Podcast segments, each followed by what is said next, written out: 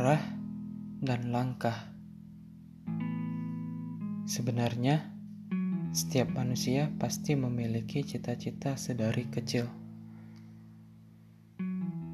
Dari mereka yang mulai paham bahwasannya hidup itu merupakan sebuah kumpulan puzzle yang harus dicari, dikumpulkan, dirapihkan, dan nantinya akan menjadi apa.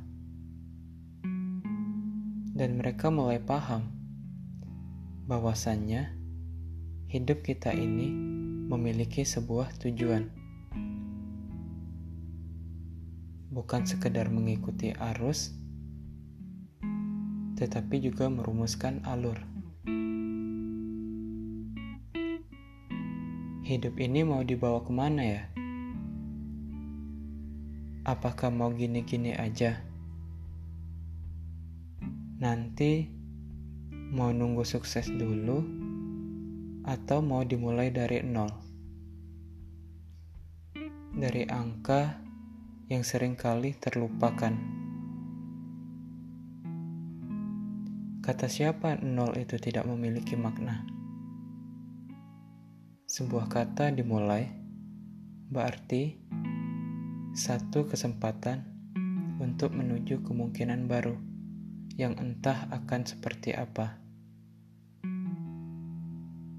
Kita, manusia, cuma bisa berencana, termasuk ketika terlintas sebuah cita-cita besar.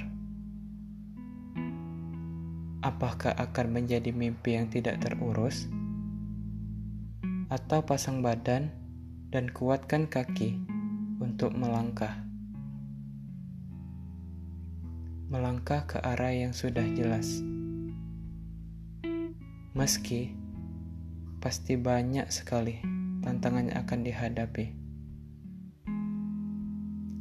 Kalau tekad sudah bulat, tidak ada yang namanya kata-kata menyerah. Sesekali rehat dan istirahat, tak apa. Yang penting, tujuan akhir kita tidak berubah. Kita, sebagai manusia, selain hanya bisa berencana, sering kali melakukan berbagai perubahan. Perubahan rencana, misalnya. Kenapa ya? Kok sangat sulit untuk menjadi seseorang yang konsisten? Keadaan yang memaksa sering kali menjadi alasan paling nomor satu. Dan ketika kita ngomongin tentang arah dan langkah, apakah para pendengar juga pernah mengalami hal yang sama? Hal-hal yang sebenarnya beberapa waktu belakang sedang saya rasakan juga. Sulit tidur, sulit mengosongkan pikiran, dan juga sulit untuk tenang. Setiap kita ingin tidur, kepala seperti sangat sulit untuk diajak kompromi karena sudah penuh akan berbagai macam pikiran yang datang. Kita kadang tidak mengetahui apa yang harus dirubah dari hidup kita kalau kita lihat ke depan, jalan yang mulus, ya, jalan yang lurus. Kita tidak akan pernah mengetahui dengan pasti belok kanan atau belok kiri ada apa dan akan terjadi apa di sana.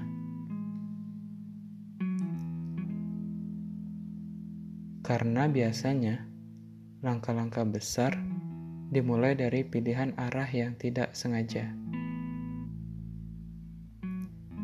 Kalau mau putar balik, kita nggak tahu akan berhenti di mana.